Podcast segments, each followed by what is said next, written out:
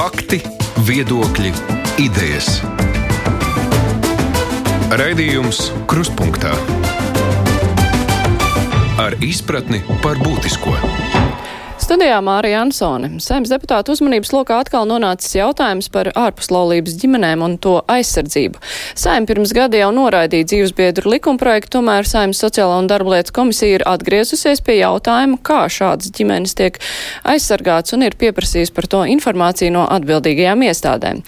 Par to šodien raidījumā runāsim arī mēs. Kopā ar mums attālināti ir Saimnes sociālo un darba lietu komisijas vadītājs Andris Skrīde. Labdien! Labdien! Tāpat arī Saimnes juridiskās komisijas priekšsēdētāja biedrs Jānis Ieselnieks. Labdien! Labdien. Tiesības sargs Juris Jansons, sveicināti! Mhm. Un zvērnāts advokāts Lauris Liepa. Labdien!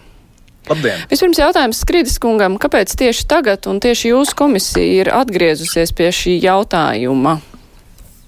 Tāpēc, kā mūsu komisija ir atbildīga par uh, sociālajām lietām, lietām, ko uh, tālākā izpildvara jau pārvalda labklājības ministrija, veselības ministrija, un arī tieši tāpēc, ka vairākas kustības organizācijas, tādas kā Centrs Marta, Biedrība Tēvi, Centrs Darda, Dardedze, Kustība dzīves biedri, konstitucionālo tiesību eksperti, arī vairāk deputāti, vienmēr sakot, vesela rinda manis nosaukto cilvēku griezās pie manis šajā laikā ar nepieciešamību pēc šāda likuma. Es arī pats iepazinos ar tiem svarīgākajiem punktiem, un plus vēl šis laiks, kad Covid mūs apdraud, apdraudēja. Arī tīri dažādas praktiskas, tāpēc mēs arī likām šo dienas kārtībā kā ļoti būtisku punktu. Bet runājot par Covid laiku, kādas ir tās lietas, nu, kas, kāpēc tieši šis nu, jautājums divi, tika? Divi, kaut vai dzīvo divi cilvēki nereģistrētā laulībā, viens nokļūst slimnīcas reanimācijā, kaut vai, piemēram, vai kaut kas notiek, un tad tam otram cilvēkam, kas ar viņu dzīvo, nav tiesību viņu apciemot vai, nu, visu no tā izrietošajām sekām. Vai arī, ja, ja kaut kas vēl sliktāks notiek, nezinu, vienalga kaut vai, kaut vai cilvēks, kas strādā iekšlietu struktūrās, aiziet no dzīves, tad tam, kas ar viņu ir dzīvojis kopā, nav nekādu tiesību ne kaut vai turpināt dzīvot tajā pašā dzīvoklī, saņemt kaut kādu pabalstu. Nu, tur ir vesela rinda šo te noteikumu. Iesaulniekungs, no jūsu skatu punkta, vai ir nepieciešams atgriezties pie šie jautājumi? Saim ir vairāk kārt jau šim jautājumam pieskārusies dažādos laikos, un šis, protams, ir uh, vēl, viens, vēl viena situācija. Manuprāt, uh, ja runā tieši par to kopdzīves, dažādu, dažādu nosaukumu ir bijuši šīm iniciatīvām, partnerattiecību, kopdzīves likums un tam līdzīgi. Uh, ja tas paredz kaut kāda veida reģistrāciju valsts vai citās iestādēs, tad es neredzu būtisku atšķirību no laulības noslēgšanas, jo uh, arī laulības noslēgšana paredz reģistrāciju, kas vienkāršākajā iespējamā veidā ir 14 eiro nodeva dzimstarakstu iestādē un bez nekādām ceremonijām, jebkuram ir iespējams šo laulību, ja tiešām grib sakārtot savas attiecības ir iespējams noslēgt ļoti vienkārši un lēti. Ja šis regulējums paredz līdzīga veida kaut kādu reģistrāciju, tad es neredzu pamatu veidot kaut kādu paralēlu tiesību institūtu jau esošajai laulības institūtam. Vai minētās problēmas, jūsuprāt, nav risināmas? Apmeklējums slimnīcā, iespēja turpināt dzīvot dzīvoklī ar dzīves biedru, kaut kas notiek? ja tas bija jautājums man, tad uh, daudzas no situācijām, protams, uh, ir risināmas ar citiem tiesību instrumentiem. Uh, pie notāra viesojoties, noslēdzot dažādus aktus, uh, bet skaidrs, ka, uh, ja cilvēki patiešām grib uh, tiesiski nokārtot savus attiecības, dzīvojot ilgstoši kopā, iespējams, jau ar bērniem, tad viss, vispareizākais risinājums ir šī laulības noslēgšana, kas atvērs daudzus tiesiskus vārdus kas, kas nere, cilvēkiem, kas nav reģistrējuši attiecības, protams, nav pieejami. Jautājums tiesību sargam, vai jūs saskaraties ar uh, gadījumiem, kad nu, kaut kādas tiesības ir liektas cilvēkiem, kuri praktiski dzīvo kopā, bet uh, tāpēc, ka viņi nav salauzājušies, viņiem tās ir liektas? Jā, mums bija tieši viena konkrēta pārbaudas lieta, kas bija saistīta ar nodokļiem un nodevām, kur teiksim, vienā maisaimniecībā divi cilvēki, dzīvoja kopā, nu, viens otram nu, pārdeva vai, vai, vai kā citādāk atsavināja īpašumu. Un faktiski tur mēs saskatījām tādu tiesisku nevienlīdzību, proti, uh, Uh, nu, ja teiksim, ģimenes, uh, nu, kas ir laulībā, jā, tad, tad esoši ģimenes, ģimenē dzīvojoši cilvēki, ja viņi viens otram kaut ko pārdod, tad ir tā saucamā mazā nodeva, jā, reģistrējot īpašumu zemesgrāmatā, tad tas ir 0,25%, ja nekļūdos. Savukārt uh, nu, par šo konkrēto maisaimniecību, kur mēs veicām, veicām ja, šo pārbaudi, nu, viņiem ir nu, dārgā, lielā nodeva 7,5%. Un, uh, mēs uzskatījām, ka, nu, ja, ja teiksim, ģimene ja, ir vienādos un salīdzināmos apstākļos, ģimenes ja, tad, uh, savstarpēji analizējot, tad uh, uzskatām, ka uh, nu, ir jānodrošina šī tiesiskā vienlīdzība. Faktiski ir jānosaka šī nodeva, kas ir atbilstoša kā ģimenes uh, locekļiem. Uh, jo arī viens no mūsu argumentiem, ja mēs redzam Latvijas Republikas satversmes 110. pantā, ja, tad, tad ir ļoti konkrēti pateikts, ka valsts aizsargā laulību, kas ir savienības starp vīrieti un sievieti, komats ģimeni, komats bērnu, komats bērnu ar invaliditāti un tā tālāk. Tad, tad faktiski mēs eh, saprotam, ka no juridiskā viedokļa ir par diviem, diviem institūtiem. Uh, viens, kas ir laulība, ja, kur ir konkrēti arī uzsvērts, ka tā ir savienības starp uh, vīrieti un sievieti, un stipri plašākā tvērumā, ja, teiksim, nu, tā varētu interpretēt un, un, un, un, un saprast, ja, kad ir kaut kāda vēl nu, plašāka ģimene. Ja kas nav laulība. Un tā, tā, tā, tā ir mūsu nu, teiksim, argumentācijas būtība. Tad mēs arī piedalījāmies uh, Sociālo darblietu komisijas sēdē.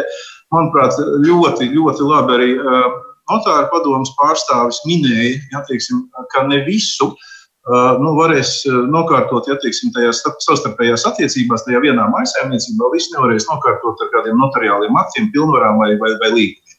Tad, tad būs, būs uh, pilnīgi noteikti kaut kādas situācijas, kas faktiski nu, prasīsies pēc juridiska regulējuma, bet to notariāli nevarēs izdarīt. Jā, man ir jautājums arī Laurim Liepam par šo aspektu atšķirības starp laulātajiem un ģimeni. Vai uh, laulātie un ģimene tad ir jāuztver kā kaut kas viens no tiesību viedokļa, vai tiesības uh, var būt atsevi, atšķirīgas laulātajiem un ģimenēm? Jā, tiesības sargs diezgan trāpīgi jau norādīja, ka pat ar neapbruņotu aci, lasot satversmi, mēs redzam, ka likumdevējs, satversmes likumdevējs norāda, ka valsts aizsargā vairākas vienības, kas ir uztveramas kā atsevišķi formulētas. Tātad valsts aizsargā laulību, komats, ģimeni, vecāku bērnu attiecības. Tātad tas nozīmē, ka ģimene ir jāskatās nevis kā veids, kādā laulātie veido savas attiecības, bet ģimene ir jāskatās plašāk. Un interesanti, ka arī civil likums, kas, kā zināt, ir radies nevis 90. gados atjaunojot neatkarību, bet pēc būtības tas ir tāds senu likumu kopojums, kur ir gan 19. gadsimta Baltijas vietējie civil likumi, gan arī tradīcijas un ieražas. Un civil likums ir noformulēts pirms otrā pasaules kara, Eh, nedefinē precīzi un eh, slēgti, kas ir ģimene. Tas ir atklāts juridisks jēdziens, atvērts juridisks jēdziens, kuru mēs formulējam atbilstoši laika garam, atbilstoši laika prasībām. Tas nozīmē, ka ģimene ir patstāvīgs valsts aizsardzības un valsts uzmanības priekšmets, par kuru ir jārūpējās valstīm, jānodrošina. Arī tā skaitā tādu partneru attiecības, kuri laulību vienkārši pēc esošā regulējuma nevar noformēt. Arī tā ir ģimene. Tas nozīmē, ka arī pēc pašreizējā regulējuma tad cilvēki, kuri vienkārši dzīvo kopā ar vai bez bērniem, ka tā arī ir ģimene. Es to tā lasītu, jā, un to mēs arī redzam tiesu praksē. To mēs redzam arī citu Eiropas valstu praksē, kur, piemēram, ir atļauta. Kā zināms, lielākajā daļā Eiropas valstu ir paredzēti dažādi partneru reģistrēšanas mehānismi, attiecību reģistrēšanas mehānismi, kurā partneru attiecības var eh, formēt ne tikai kā laulāto attiecības, bet arī kā divu eh, kopdzīvojošu personu attiecības. Šo te ģimenes jēdziena jautājumu mēs turpināsim. Mums te ir iespējas sarunāties ar Labklājības ministrijas parlamentāro sekretāru Krišu Lipšānu. Labdien, Lipšāna kungs, vai jūs mūs klausāties? Jā, labdien, klausos. Jā, Labklājības ministrijā vai jautājumos, kas skar sociālo jomu, ir tādas, kur ir būtiski vai iesaistītās personas ir laulātas vai nav? Kā jūs saskaraties, teiksim, nu, tajās lietās, kas ir ministrijas kompetencēm? Jā, faktiski raugoties uz šo jautājumu no sociālā pakalpojuma un palīdzības prizmas, jau šobrīd uh, faktiski atbilstoši spēkā esošiem normatīviem aktiem tiek vērtēts personas vajadzības, nevis tās status.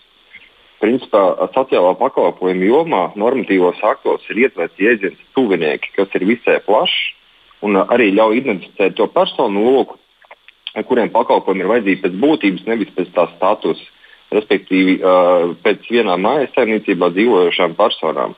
Un, attiecīgi, arī tad tiek vērtēts, kādu pakalpojumu sniegt viņiem, vai nu materiālu, vai nu, teiksim, kaut kādas rehabilitācijas pakalpojumus.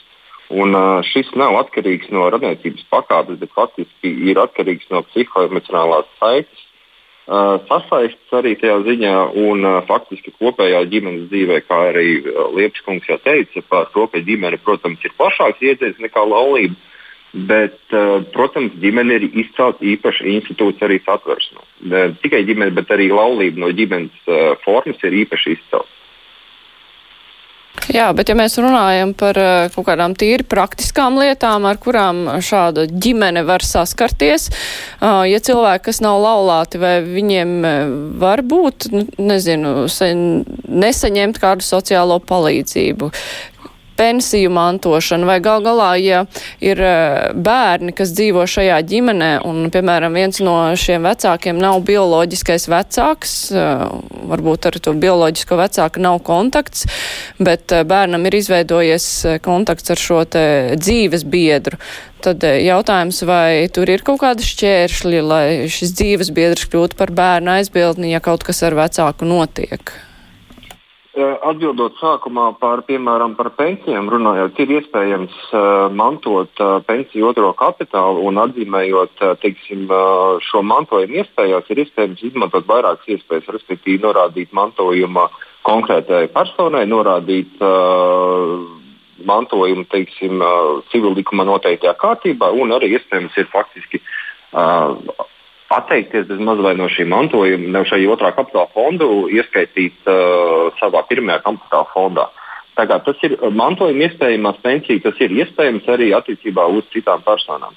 Runājot par aizbildnības jautājumiem, konkrētos gadījumus vērtē bāriņtiesas. Un attiecībā uh, šajā jautājumā būtisks faktors tas, ka bērna intereses ir prioritārs. Un, ja konkrētai personai ir cieša emocionālā sasaiste ar kādu citu personu, teiksim, dzīves biedra, partneri vai, vai, vai kādu citu personu, tad attiecīgi bāriņtiesa var lemt konkrētu aizbildniecību šai personai, ja šim bērnam tiešām ir laba emocionālā uh, un ģimeniskā sasaiste ar šo personu. Vai bāriņtiesa tā lemtu arī tad, ja, piemēram, šajā te, šī ģimene sastāv no viena dzimuma personām? Protams, jo tas tiek vērtēts šajās jautājumos, kā jau minēju, bērna interesi prioritārs. Un, uh, svarīgi ir tas, ar, uh, kā ir labāk bērnam. Uh, šajos sociālajos jautājumos netiek vērtēts, kā jau iepriekš minēju, tas, ka kāds ir status attiecībā, bet ir pēc fakta tiek vērtēts, ir kāds šīs emocionālās sasaistes arī līdz ar to arī vienzimuma partneriem uh, varētu vērsties bāriņtiesā ar lūgumu. Protams, bāriņtiesa izvērtētu arī papildus citus apstākļus, vai šī persona varētu nodrošināt atbilstošus apstākļus. Gan uh, materiāli tehniskos, gan arī izglītojošos, gan arī sociālos un tam līdzīgi. Jā, paldies. Mēs sazinājāmies ar Labklājības ministrijas parlamentāro sekretāru Krišu Lipšānu. Man ir jautājums Skridas kungam. Kā jums šķiet, vai tās problēmas, ko jūs minējāt, vai tās būtu risināmas, um, efektīvāk risināmas precizējot uh, likumos, varbūt, kas ir ģimene, kādas ir ģimenes tiesības, vai arī ir nepieciešams kāds uh, šis te īpašais regulējums un partnerattiecību reģistrēšana, jo, nu, mums jau arī klausītāji norāda, ka cilvēki, kuri nav devušies uh, laulāties uh, parastā kārtībā, ka viņi diez vai ies arī pie notāra reģistrēt savas attiecības. Tas nozīmē, ka šīs partnerattiecības tad reāli ir nepieciešams tikai vienzimumu pāriem. Tajā pašā laikā nu, arī viņu uh, problēmas arī ir jārisina kaut kādā veidā. Jā, tātad minētās organizācijas, ko es jau teicu, raidījuma sākumā, un arī, un arī frakcija apvienība attīstībai par uzskatu, ka ir nepieciešams speciāls šīs dzīves biedru likums, jo es jums varu arī mazliet statistikas datus minēt, ko tā pati labklājības ministrija ir pasūtījusi pētījumu.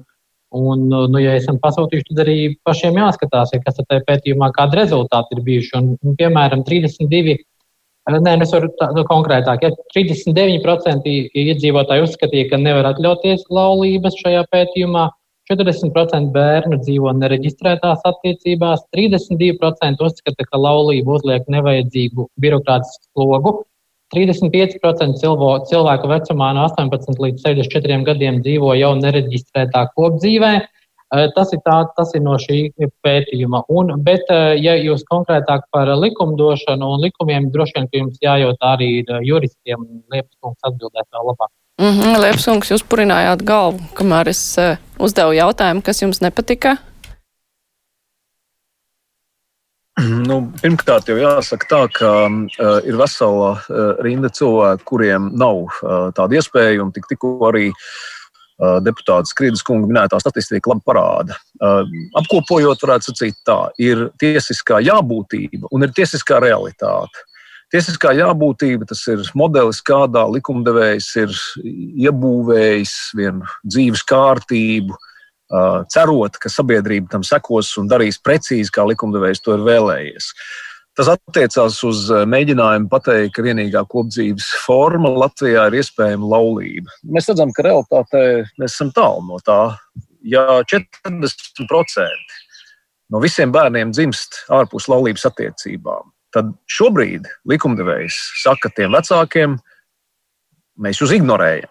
Ja, tā tad mēs, protams, pieņemam, ka uh, sociālo, uh, sociālās palīdzības jomā jums ir jāiet, jums ir jāpiesakās, jums ir jāveic dažādi soļi, uh, un valsts jūs sadzirdēs. Taču šeit nepastāv vairākas būtiskas lietas, piemēram, tā saucamās prezumpcijas, ja, tātad pieņēmumi, kas atvieglo dzīvi. Tādas prezumpcijas, kā piemēram laulāto kopējās mantas prezumpcija, gadījumā, ja viens no laulātiem mirst, tad nav jāstrīdās un nav jāpierāda, ka otrais arī ir piedalījies kopējās mantas rašanās vai tapšanā, veidošanā. Partneriem, kas dzīvo tikpat ilgi kā viņu kaimiņu laulātie, ir pavisam cits stāsts, un šāda prezumpcija nedarbojās. Tieši to pašu var sacīt arī par um, tādām būtiskām uh, prezumpcijām kā paternitāte teiksim, divi cilvēki mīl viens, mīl viens otru, viņiem ir bērns, ja ir laulība, un viens no vecākiem nelaimīgā kārtā iet bojā pirms bērna dzimšanas, tad šeit ir paternitātes prezumpcija. Nav jāstrīdās, kas ir bērna tēvs. Savukārt, ja tāda pati situācija notiek ar partneriem, un mums ir daudz ļoti, ļoti skumju gadījumu par cilvēkiem, kuri pirms laulības um, sagaidot bērnu, kur viens no vecākiem, tātad tēvs, iet bojā, un šeit šādas prezumpcijas nav. 40% gadījumos Latvijā tātad hipotētiski, protams, visos šādi nelēma nenotiek, bet hipotētiski tātad milzīga daļa sabiedrības ir pakļauta šādiem riskiem. Šādus piemērus var tikai uzskaitīt. Tā tad ir uh, pieņēmumi, kas aizsargā laulībā esošus partnerus. Un, um, Protams, ir taisnība tiem, kuri saka, ka laulība ir eh, pareizais vai īstais veids, kādā attiecības kārtot.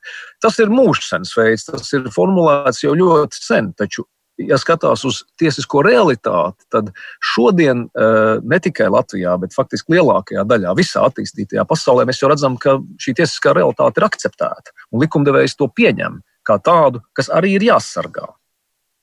Bet vai ja likumā precizējot to pašu ģimenes jēdzienu, jūs minējāt, ka jūs uzskatāt, jā, ka ģimenē ir jābūt tādām pašām uh, tiesībām kā laulātē, nu, attiecinot, protams, plašāk, bet uh, vai kaut kādas lietas nevarētu risināt ar to, ka pasakot likumā, ka jā, ka ģimene ir tas un tas, tie ir cilvēki, kuri dzīvo reāli kopā un uz viņiem attiecas tādas un tādas tiesības.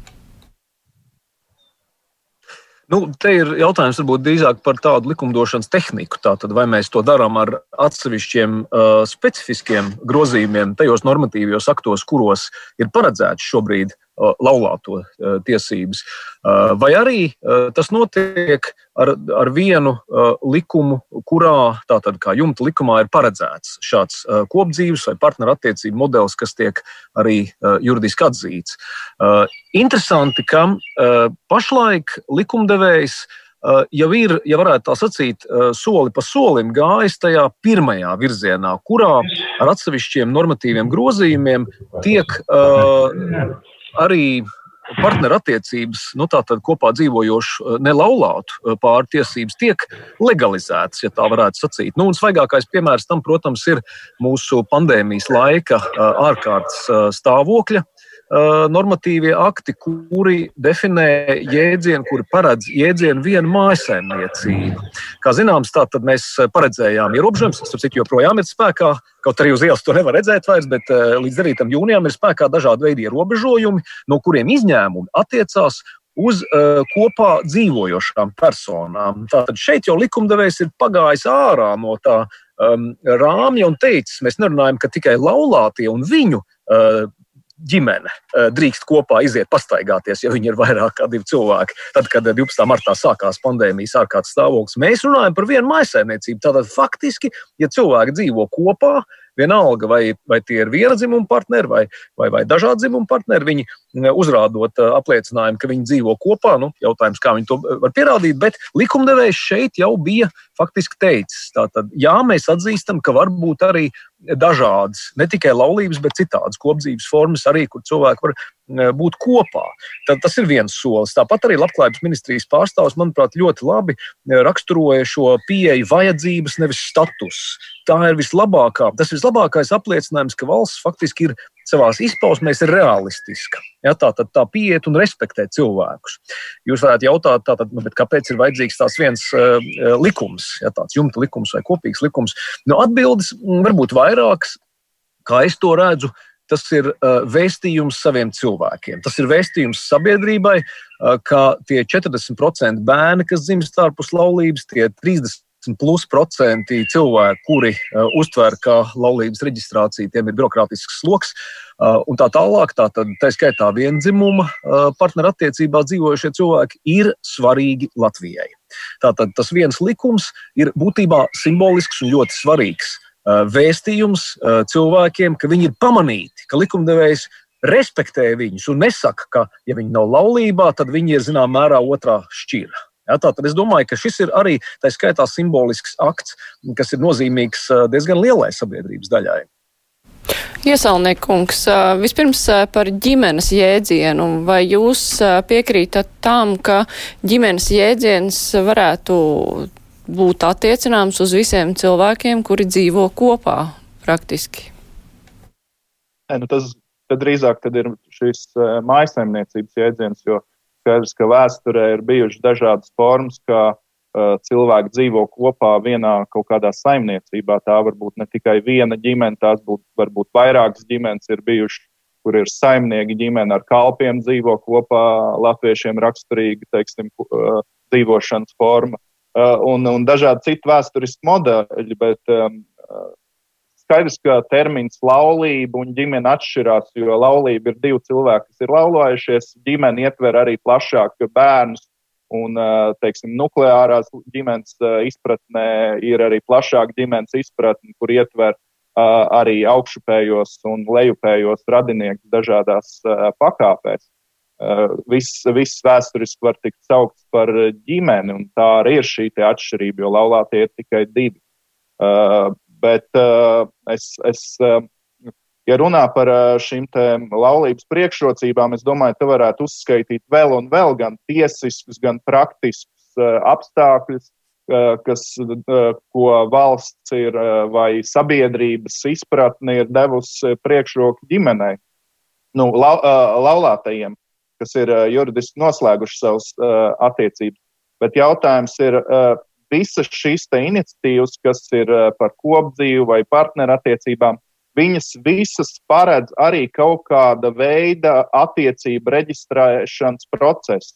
Un, ja mēs runājam par um, skrīdas um, kunga minētajiem iemesliem, kāpēc cilvēki uh, neslēdz laulību, uh, piemēram, viens no šiem aspektiem uh, - finansiāls izmaksas laulības noslēgšanai. Protams, ja tu gribi sarīkot plašus laulības ceremoniju ar rādu loku, tur svinībām un visu, tad tas maksās daudz bet uh, aiziet pie notāra, noslēgt partnerattiecības, būs dārgāk nekā šobrīd aiziet uz dzimstarakstu nodaļu un noslēgt laulību par 14 eiro valsts nodevu. Jā, Tā bet kā finansiāli te nav nekāda. Es, es neredzu vienkārši, ko tas risina, atbildot uz tiem, tiem iemesliem, kāpēc uh, netiek slēgta laulība. Bet tajā, tajā pašā laikā, nu jā, kā jau tika minēts, protams, ideāli ir, ja var noslēgt laulības, bet praksē jau tāpat tā nenotiek. Un, uh, Kā jūs vērtējat tēzi, ka šāds jumta likums būtu vajadzīgs kā vēstījums sabiedrībai, ka ir vajadzīgi visi tās pārstāvi, ka, ka uz šīm lietām nevar skatīties uz to, ka cilvēki ir tikai eh, kaut kāds kopums, kur tēt bruņosies ar notāru pilnvarām, tāpat, kuras nevar atrisināt visas dzīves situācijas, bet ka valsts vienkārši novērtē to, ka jā, viņi dzīvo kopā, viņi ir vajadzīgi tādi, kādi viņi ir, un novērtē viņus kā ģimeni, kā partnerus, kā nezinu, kā to nosaukt? Es domāju, tas ir uh, juridiskās tehnikas jautājums, kā uh, noteiktu normu kopumu ietvert likum, likumdošanā. Uh, mums šobrīd ir drīzāk šī pieeja, ka tiek dažādu nozaru likumos ir noteikts, kas cilvēkam vai cilvēku grupai kādai pienākās. Tas var būt gan nodokļu jomā, gan civiltiesisko attiecību jomā.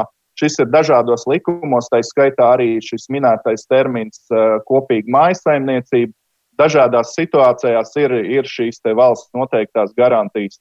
Vai to visu vajag apkopot vienā likumā, es šaubos, jo tad mums sanāks tā pati problēma, kas ir bija ar Latvijas administratīvo pārkāpumu kodeksu, kas paliek tāds milzīgs uzblīdes likums, kur no dažādām nozarēm dažādas normas tiek saliktas un beigās sanāk tik haotiski dažādu laiku, teiksim, juridiskajā tehnikā veidotas normas, kas, kas, kas īsti nav. Nu, man kā juristam nu, nes, nešķiet tāds patīkams juridiskais dokuments. Tā kā labāk, manuprāt, ir, ka ir dažādos nozaru likumos paredzēts konkrētas tiesības, kas ir, teiksim, noteiktām cilvēku kategorijām. Jansson kungs, kāds ir jūsu skatījums? Nu, es, Es teiktu, tā, ka jāsāk ar, ar, ar nu, ka mēs precīzi saprotam ģimenes institūta nu, tiksim, jēdziena tvērumu. Jo tie viedokļi tiešām ir, ir, ir dažādi. Tad, nu, ja mēs e, e, esam sabiedrībā viensprāts, ka uh, vienā maisaimniecībā dzīvojoši cilvēki tā ir uzskatām par ģimeni, tad, principā, tas jautājums būtu atrisināts. Bet, ja parādās nu, vēl uh, citi viedokļi, ka tomēr tā īsti nebūtu ģimene, Nu, te prasās pēc eh, tādas precīzākas definīcijas, un kur es zināmā mērā varu piekrist arī uh, iesaulnieku kungam, kad uh, par regulējumu tā būtu jau jā, tiešām juridiskās tehnikas uh, jautājums. Iespējams, nu, to var izdarīt uh, grozot uh, vairākus uh, jau spēkā esošus, ja teiksim, uh, likums, ja to pašu kaut vai nu, teiksim, civil likumu, ja teiksim, ģimenes tiesību sadaļā, precīzāk, ja tad definējot, ja tad, tad gan laulības institūtu, lai gan laulības institūts ir ļoti skaidri definēts, gan arī nu, šo ģimenes institūtu plašākā, nu, tādā šajā te. Um, jēdzienā. Tā kā es domāju, ar to būtu jāsāk, un faktiski tas jau lielā mērā arī ir nu, teiksim, politiķu parlamentāriešu uh, nu, jāsaka, tā, nu, jau uzdevums, jo tas jautājums ir atkal kārtējo reizi saimā. Un, nu, teiksim, kopīgi ar juristiem, kopīgi ar nevalstiskām organizācijām, faktiski nu, varētu radīt ja, to normatīvo bāzi. Varbūt tas arī uh, ir viens, viens, viens atsevišķs speciāls uh, likums, ja, kas regulē visas šīs lietas, ko, ko kolēģis Lauris Liepa nu, ir, ir, ir jau minējis. Jā, es atgādināšu vēl klausītājiem un Latvijas televīzijas skatītājiem, ka šodien mūsu diskusijā piedalās Saimnes sociālo un darba lietu komisijas vadītājs Andris Skrīdis, Saimnes juridiskās komisijas vadītāja vietnieks Jānis Iesalnieks, zvērnāts advokāts Lauris Liepa un tiesības sargs Juris Jansons. Raidījums Krustpunktā. Gribētu paturpināt ar eh, dažiem praktiskiem piemēriem, ko mums klausītāji ir atrakstījuši. Mums klausītāji raksta tā, ar draudzeni esam nolēmušas vecumdienas pavadīt kopā. Bērni mums lieli, dzīvo savās ģimenēs, vīru arī nav. Mums nav seksuāla attiecība, tīri saimnieciski gribam veidot kopēju vietu, kur apsaimniekot un priecāties par dzīvi. Bet kā mums pasargāt vienai otru, lai brīdī, kad kāda no mums no, nomirst, otra nepaliek uz ielas? Tāda ļoti praktiska situācija. Un, nu, Ko ieteikt šiem cilvēkiem, ja kāds var atbildēt? Divām personām slēgt savstarpēju mantojumu līgumu, kur uh, cilvēks manto otra, otra mantu viņa nāves gadījumā apustē, kas notiek. Tas ir vienkāršākais droši vien juridiskais risinājums. Bet nu, viena kundze otru tā, nevarēs ka... apmeklēt slimnīcā. Jā, Varbūt viņām jā, tas ir aktuāli tā. šajā vecumā līdz, arī. Līdz tai miršanai arī dažas lietas, kuras varbūt ir svarīgas cilvēkiem, kas dzīvo kopā. Un nopietni runājot, tātad es esmu runājis ar cilvēkiem, kuri tātad viena dzimuma partneri, kuri audzina kopā bērnus, kur viens no partneriem ir bioloģiskais vecāks. Šī laikam ir tāda krasākā situācija kurā nav iespējams nekādi, ja, tātad šobrīd normatīvi uh, reģistrēt tās attiecības, diviem, div, piemēram, divām partnerēm.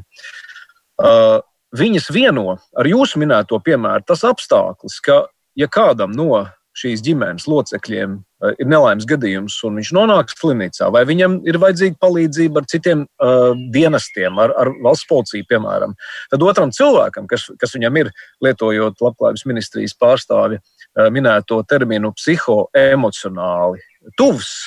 Viņam ir jālaužās cauri mūriem, viņam ir jākāp pāri augstām sienām, lai pierādītu, ka viņiem ir kādas attiecības. Un jūs teiksiet, ok, var sagatavot pilnvaru. Bet tas nelaimīgais stāsts ir tāds, ka ir medicīnas iestādes, kuras skatās uz pilnvaru un saka, ah, 18. gadā izdod pilnvaru, ir 20. nedara vairs. Ja?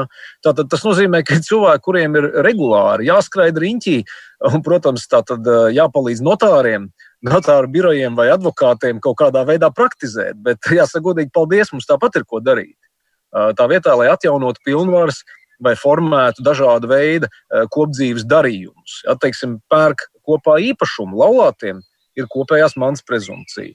Partneriem tādas nav. Arī abas divas kundzes, ja, piemēram, eh, ja mēs atceramies latviešu kino klasiku, ja, tātad par Dūlo Paulīnu, piemēram, eh, viņām veicās eh, šobrīd saimnieciski. Ja, viņas attīst mazdārziņu vai, vai, vai meža produktu biznesu, un viņas nolēma nopirkt zemes gabalu. Ja, tā, tas būs daudz sarežģītāk, kā viņas tur formēs to, to, to vienošanos, nekā tas būtu, ja, piemēram, būtu iespējams tātad, reģistrēt šādu statusu kopiju. Es piekrītu Laurim. Zinu, kā Paulīna un Līza, bet gan bija māsas, tur vieglāk, jā, īstenībā, jā, un pa, Lauri.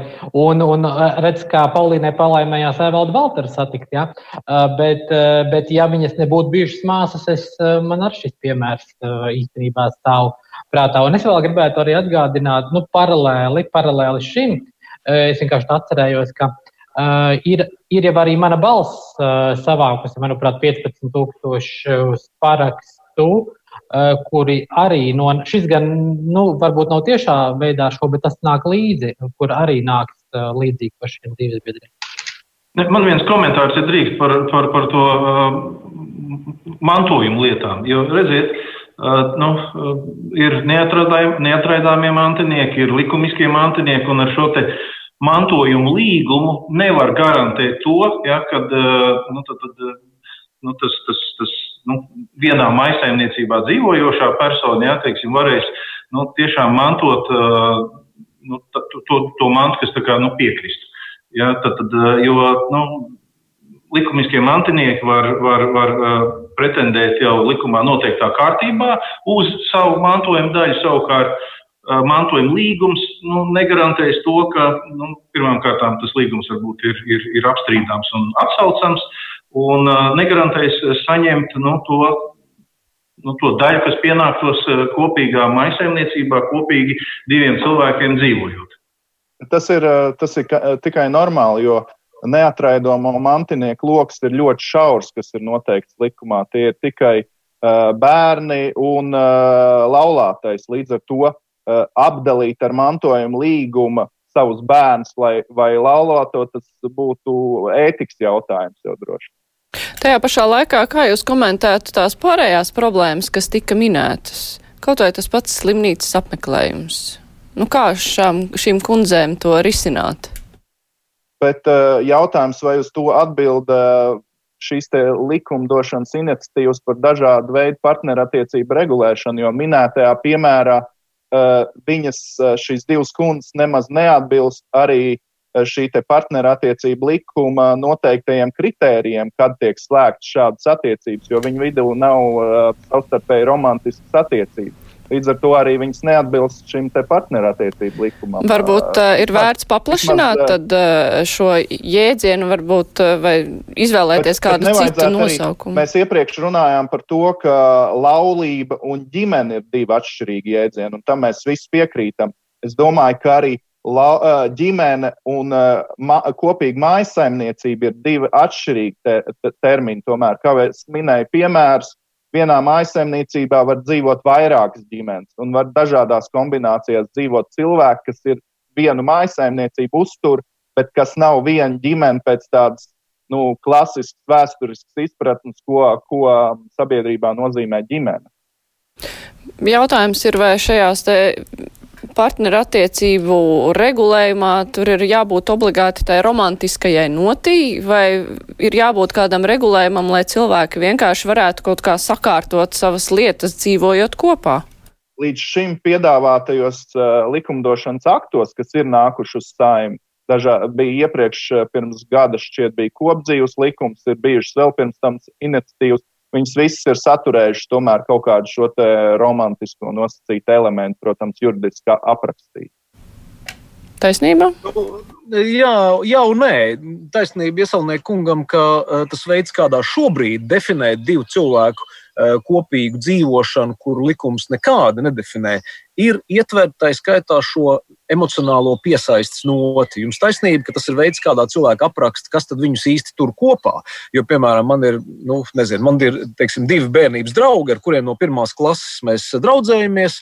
Un ļoti, ļoti labprāt uh, arī dzīvot kopā, bet mums ir katram sava ģimene, un mēs esam tikai draugi. Un šeit ir tā atšķirība no tā statusa, kurā uh, teiksim, es varu izvēlēties kādu cilvēku, ar kuru es gribu būt dzīves draugs. Ja, un tas dzīves draugs ir tas, ar kuru kā tas šobrīd notiek, vairāk kā desmit tūkstoši jau caur manu balss portālu ir pieprasījuši iespēju reģistrēt šīs attiecības.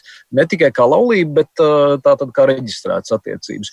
Un šai gadījumā, tiklīdz kā likumdevējs saka, jūs varat reģistrēt attiecības, tā savā ziņā jau parādās paralēle arī ar laulībām. Jo jūs man piekritīsiet, ka arī ne jau visās laulībās ir romantika un mīlestība. Ir ļoti daudz aprēķinu laulību, ne jau tikai klasiskajā literatūrā, ja, ne jau tikai Blaumanim. Uh, ir ļoti daudz racionālu ģimeņu, kuras sanāk kopā. Tur nav tās dzirkstelītes. Ja? Tur ir cilvēki, kas, piemēram, mūža otrajā pusē jūt uh, tuvību, kur varbūt arī nav seksualitātes. Ja? Tur vienkārši ir garīga tuvība. Un kāpēc mēs liektu šiem cilvēkiem uh, kopā reģistrēt uh, savas attiecības, ja viņu tuvība ir vairāk nekā tikai draudzība? Uzsvars ir uz vārdu reģistrēt. Mēs visu laiku runājam par reģistrētām kaut kādām attiecībām. Līdz ar to tas nerisina daudzus no minētajiem piemēriem, kur cilvēki vienkārši kaut kādu, ja kādu iemeslu dēļ negrib reģistrēt. Kā jau es teicu, pie notāra noreģistrēt kaut kādas citu veidu attiecības būs dārgāk nekā aiziet uz dzimšanas nodaļu šo laulību no, noreģistrēt. Taisnība, iesaulniekums ir vēl viena ļoti svarīga nianses, kas ir vismaz uh, pagātnē, kad bija uh, iepriekšējā iniciatīva. Tur parādījās arī uh, tas attiecību legalizēšana. Tātad attiecības ir bijušas, bet viņas kaut kāda iemesla dēļ jau pēc fakta ir jālegalizē. Nu, tas uh, jau daudzkārt arī publiski apspriestais gadījums ar uh, Maksims, uh, tātad uh, ugunsdzēsēju, kurš bija attiecībās, uh, diemžēl nepaguva uh, laulāties, vai arī, nu, ja bija kopdzīve, tad, tad tāda nu, viņa arī bija. Un tagad uh, ja, tam atraitnim, tam, tam cilvēkam, kas ir palicis otram partnerim, ir jācīnās un, un jāmēģina rekonstruēt tā situācija. Tas, par ko mēs runājam, ir viens, tā ir iespēja reģistrēt tiem, kuri uh, negrib laulāties, bet iet tikai reģistrācijā. Un otrs, tas, kas attiektos uz šo uh, nelaimīgo, ļoti skumjo Maksims uh, bojā gājušā cilvēka partneru piemēru, ir nepagūst laulāties, bet arī viņus aizsargā. Ja, tā, tad, tad, tad, tas ir tas, ko arī es, protams, ir pārāk runāt par to, kā izskatītos tā likumdošanas iniciatīva šajā mūsu šai konkrētā brīdī, 2020. vasarā. Bet uh, iepriekšējā reizē bija mēģinājums Eh, pasargāt un juridiski eh, kaut kādā veidā arī nu, nodrošināt attiecības tiem cilvēkiem, kuri eh, dzīvoja kopā, bet nepaguva laulāties. Ja? Ir, manuprāt, viens tāds tiesisks, iespējams, maz izmantots instruments, ka arī šobrīd jau likumos ir iespēja caur tiesu konstatēt faktisko kopdzīvi. Tas vairāk ir bijis gadījumos, kur ir par eh, faktiski nu, šīs kopdzīves šķiršanu, kad eh, par dažādu veidu mantu iet runa, un tad, lai cilvēkiem būtu iespēja pierādīt, ka tiešām katrs ir ieguldījis šajā kopējā saimniecībā kaut kādus uh, līdzekļus, savu darbu un tam līdzīgi. Līdz ar to kaut kāds tiesisks mehānisms jau šobrīd ir uh, teiksim, šādām situācijām. Un tajā pašā laikā Iespējams, tas ir ļoti ilgs un smagnējs. Bet uh, vēl pie praktiskajiem piemēriem. Jautājums ir Jānim Iesalniekam adresēts, bet tie varbūt var atbildēt visi. Klausītājs raksta dzīvo īrētā dzīvoklī, kurā neļauj kopā ar mani dzīvot manam dzīves biedram. Saimnieks tam nepiekrīt. Gājām pie notāra, lai noskaidrotu, cik maksā un kas jānoskaidro jānoslēdz, lai varētu dzīvot kopā, bet notārs teica, ka šādu dokumentu nav. Laulība nav risinājums, jo mums tā ir aizliegta seksuālās orientācijas dēļ. Ko mums darīt? Nu, te ir, te ir parādās jautājums par tiem dažiem civil likumā noteiktajiem ierobežojumiem, kas laulībā ir noteikti. Eh, proti, laulība ir aizliegta starp vienu dzimumu personām, laulība ir aizliegta starp ļoti tuviem asins radiniekiem, māsām, brāļa, brāļiem. Un, un, un es neatceros, varbūt vēl bija daži, daži šķēršļi. Tā kā šī varbūt ir jau jauna diskusija, kur mēs aizējām no, no teiksim, divu dažādu dzimumu partneru attiecību iespējamu reģistrēšanu vai nereģistrēšanu pie vairāk eh, tāda politiski jautājumi par vienzimumu attiecību atzīšanu no valsts puses. Bet kāpēc tas būtu jānodala, ja šajā gadījumā ir runa par tādām ļoti praktiskām lietām? Es domāju, pastāv ļoti daudz dažādi attiecību veidi praksē. Ir neskaitām laulātie, kuriem vienam vai otram laulātajam ir mīļākā mīļākais. Jautājums, vai šeit nevajag kaut ko regulēt? Ir, uh, ir uh, situācijas, kad ir eh, teiksim, daudz, daudz sievību, daudz vīrību faktiskajā situācijā. Jautājums, vai valstī vajag pilnīgi visus iespējamos cilvēku attiecību modeļus, kādi ir visplašākie pasaulē, vai regulēt ar likumu? Tas ir jautājums. Es, ja es, ja es, es drīkstu pavisam ātru uh, repliku un atbildot uz, uz manis ļoti cienītā Jāņa Ieselnē komentāru, es gribētu teikt tā, ka Uh, homoseksualitāte ir tikpat veca kā cilvēks. Un to ignorēt uh, vai kaut kā palīdz zem tepiņa apakšā, protams, var uh, gadu desmitiem vai simtiem tas arī ir bijis. Bet mūsdienu sabiedrībā, demokrātiskā iekārtā, pats vērtīgākais sabiedrībā ir cilvēks. Tas, cik cilvēks ir brīvs un vai cilvēks var pilnībā veltīt sevi sabiedrībai un savai kopienai. Un, tā ir skaitā, jūs sakat, un tas ir taisnība, ka tas ir politisks izvēles jautājums, bet arī politiskai izvēlei ir savi priekšnoteikumi. Un mūsdienu sabiedrībā, es domāju, viens no politiskās izvēles priekšnoteikumiem ir maksimāla cilvēku tiesību ievērošana. Un šī iemesla dēļ nu, tomēr būtu jāpadomā, un likumdevējiem ir jābūt tālredzīgam. Likumdevējiem ir jāskatās ne tikai uz šodienu, vai ne tikai teiksim, uz 20. gadsimtu, bet jāskatās, kā uh, Latvijā cilvēks jutīsies 21. gadsimtā. Jansons Kungs. Kāds jūsu komentārs? Uh, nu, nu, principā es lielā mērā varu piekrist kolēģim Laurim, Laurim Liepam. Un, Tas mans piedāvājums ir, ka tiešām saprotam nu, tad, tad par ģimenes jēdzienu, jo nu, tiešām ir noti, nu, tiesiskās noteiktības viedokļi, manuprāt, nu, tas būtu svarīgi. Ar to sākam. Ja, jo nu, nav šaubu, ja, tad, tad, ka ir daudzas lietas, ko tiešām ar savstarpējiem kaut kādiem notariāliem aktiem, līgumiem nevarēs atrisināt. Nu, mums ir jāskatās jau bišķiņ jau, jau, jau nu, tādā 21. gadsimta uh, izpratnē uz, uz, uz lietu kārtību un uz, uz, uz sabiedrību kopumā. Skritskungs, Cik es, nu, jūs saimnes komisijā noteikti atgriezīsieties pie šī jautājuma pēc tam, kad uh, būsiet saņēmuši atbildes arī no atbildīgajām institūcijām. Uh, kāda būs uh, komisijas tālākā rīcība, vai jūs uh, centīsieties gatavot uh, kādu likumprojektu līdzīgi kā to, ko saim uh, pagājušajā gadā noraidīja, vai uh, mēģināsiet kādu citu variantu piedāvāt, vai vienkārši izķert šos atsevišķos gadījumus, par par kuriem te bija runa un mēģināt kaut kādā veidā regulēt uh, likumdošanā, lai risinātu šīs problēmas. Kāda būs komisijas rīcība? Uh, jā, paldies. Uh, jā, un es uh, arī vēlreiz vēl mazliet piekomentējot uh, Laura Liepas teikto, protams, ir mm, desmitniekā, kā viņš teica, tas svarīgākais 21. gadsimtā tomēr ir cilvēktiesības. Un es arī ceru, ka visi komisijas uh, deputāti kas ir eh, manā komisijā, arī to saprot, eh, ka cilvēks un viņa tiesības ir tomēr 21. gadsimta nu, viens no tādām, viena no lielākajām vērtībām. Un tas mums visiem ir jāsaprot, ka tā diskriminācija vienalga pēc kaut kā, kādiem šādiem jautājumiem, vai ādas krāsa, vai reliģiskās vai seksuālās piedarības, ja nu, tām nevajadzētu vairāk būt 21. gadsimtā, kaut arī kas, kas mums tagad uh, pāri okeānam notiek, jā, Atlantijas okeānam arī.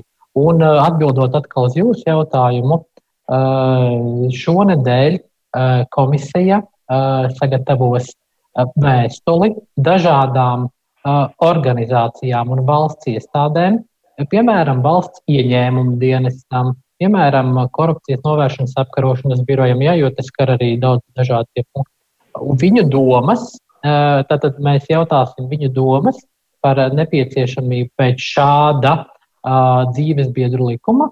Uh, tad vasarā mēs saņemsim atbildes, un uh, rudenī uh, atgriezīsimies darba kārtībā pie šī, uh, atkal pie šī uh, punkta, un nepieciešamības gadījumā veidosim jā, komisijas likumprojekta redakciju.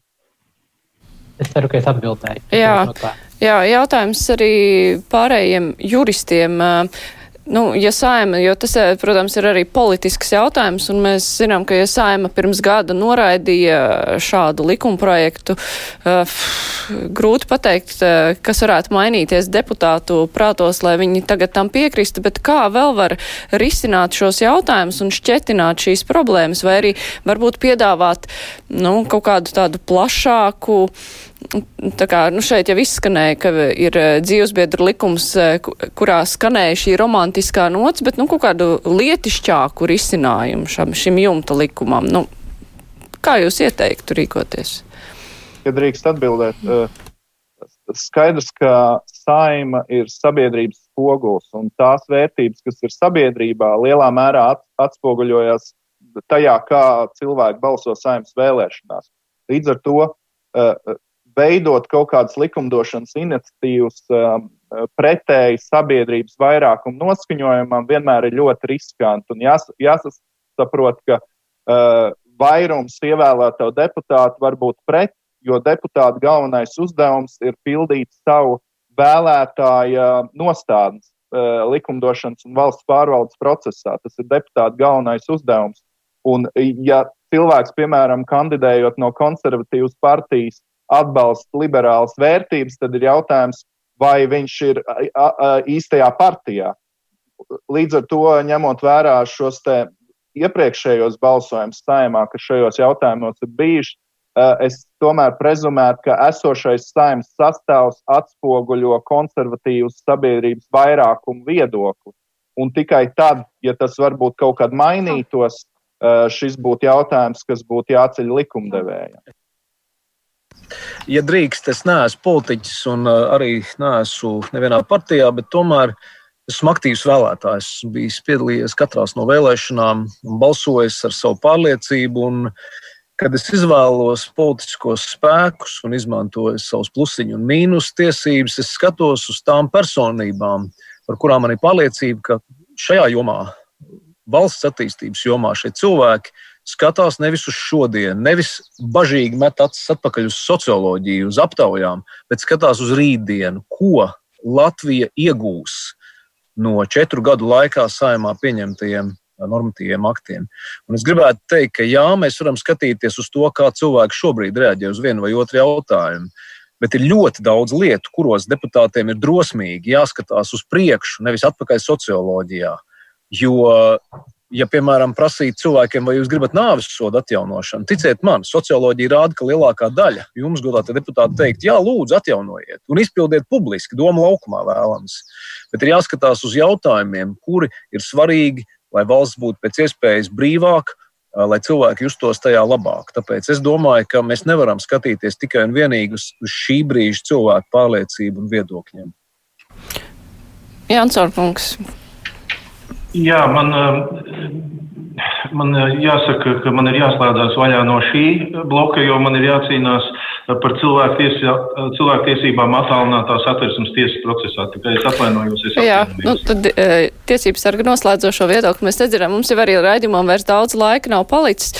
Jā, bet jautājums tad Skrīdis kungam, ja saimnes vairākums neatradīs sevi. Uh, vēlmi, pārliecību, iespējas balsot par uh, kādu partneru attiecību vai dzīves biedru vai nu, kāds, kāds nosaukums tam likumam būs, vai komisija mēģinās uh, kaut kādā veidā risināt tās problēmas, kuras šeit uh, ļoti praktiskas izskanēja nu, citādākā veidā. Uh. Jā, es domāju, ka to problēmu tiešām, kā mēs dzirdējām, ir, ir, ir patiesi daudz. Un, uh, skatīsimies, ko mums atbildēs uh, šīs valsts iestādes. Un, un tad uh, skaidrs, ka mēs mēģināsim, la, lai šīs pamat uzdevums, mūs, pamat tas šodienas vārds vispār mūsu diskusijai tiešām ir cilvēktiesības, es tā padomāju. Un, jā, mēs, protams, strādāsim un neapstāsimies. Iesalniekungs, tas ir liederīgi risināt katru šo problēmu atsevišķi vai varbūt, eh, nu, teiksim, tādā kādā neitrālākā redakcijā tomēr ir iespējams tās lietas risināt um, vienā jumta likumā? Domāju par kaut kādām konkrētām uh, nebūšanām, kas varbūt uh, normatīvos aktos ir, vienmēr var runāt, kā jau te bija piemērs, ka Covid krīzes laikā deva šo te arī tu varēji Eh, divatā pastaigāties ar cilvēku, ar kuru tu dzīvo kopā vienā mājasēmniecībā. Tā kā tāda piemēra ir. Eh, bet eh, es kā Nacionāla konservatīvas partijas pārstāvs noteikti būtu pret kaut kādu regulējumu, kas ietver um, seksuāli netradicionāls orientācijas, teiksim, nostiprināšanu normatīvos aktos. Jums šķiet, ka šī būtu orientācijas nostiprināšana tiesību aktos, respektīvi kaut kādā veidā tiesību aktos šī orientācija vispār nav pieminama, vai kā to saprast? Nē, nu, tiesību aktos ir daudz pieminēts, teiksim, diskriminācijas kontekstā seksuāla orientācija, bet mūsuprāt, valsts nostiprina tās attiecības, kas attīsta valstī ilgtermiņā. Un tas ir mūsu kā Nacionāla konservatīvas partijas viedoklis, un, un, un, un tas uh, neviens mūs nepārliecinās savādāk, jo mēs pildām savu vēlētāju gribu, un tā ir mūsu vēlētāja griba, ko mēs jūtam uh, visos iespējamos veidos, caur komentāriem, caur vēstulēm, klātienes tikšanās. Tā ir mūsu vēlētāja nostāda. Nu, skaidrs, jā, un tomēr klausītājs um, mums raksta, ka viņš ir patīkam pārsteigts, ka par šo karsto tēmu var runāt arī cieņpilni, kā tas uh, bija mūsu diskusijā. Paldies uh, sarunas dalībniekiem. Par to es atgādināšu, ka mūsu diskusijā šodien piedalījās Saimnes sociālo un darba lietu komisijas vadītājs Andris Skrīdē, Saimnes juridiskās komisijas vadītāja vietnieks Jānis Ieselnieks. Šeit bija arī zvērnāts advokāts Lauris Liepa un nu, jau atslēdzās no mūsu diskusijas, bet piedalījās tiesības sargs Juris Jansons. Paldies jums, ka varējāt piedalīties savukārt rīt kruspunktā klausītājiem un žurnālistiem būs iespēja izstāvjāt tieslietu ministru Jāni Bordānu. Tā kā jautājums jau varat sākt gatavot kaut vai šodien, bet, nu, jā, izstāvjāšanas iespēja būs tikai Latvijas radio klausītājiem, nevis televīzijas skatītājiem. Raidījums ar to arī skan, to producēja Evi Junām, studijā bija Mārija Ansone. Visu labu! Fakti, viedokļi, idejas. Raidījums Kruspunkta izpratni par būtisko.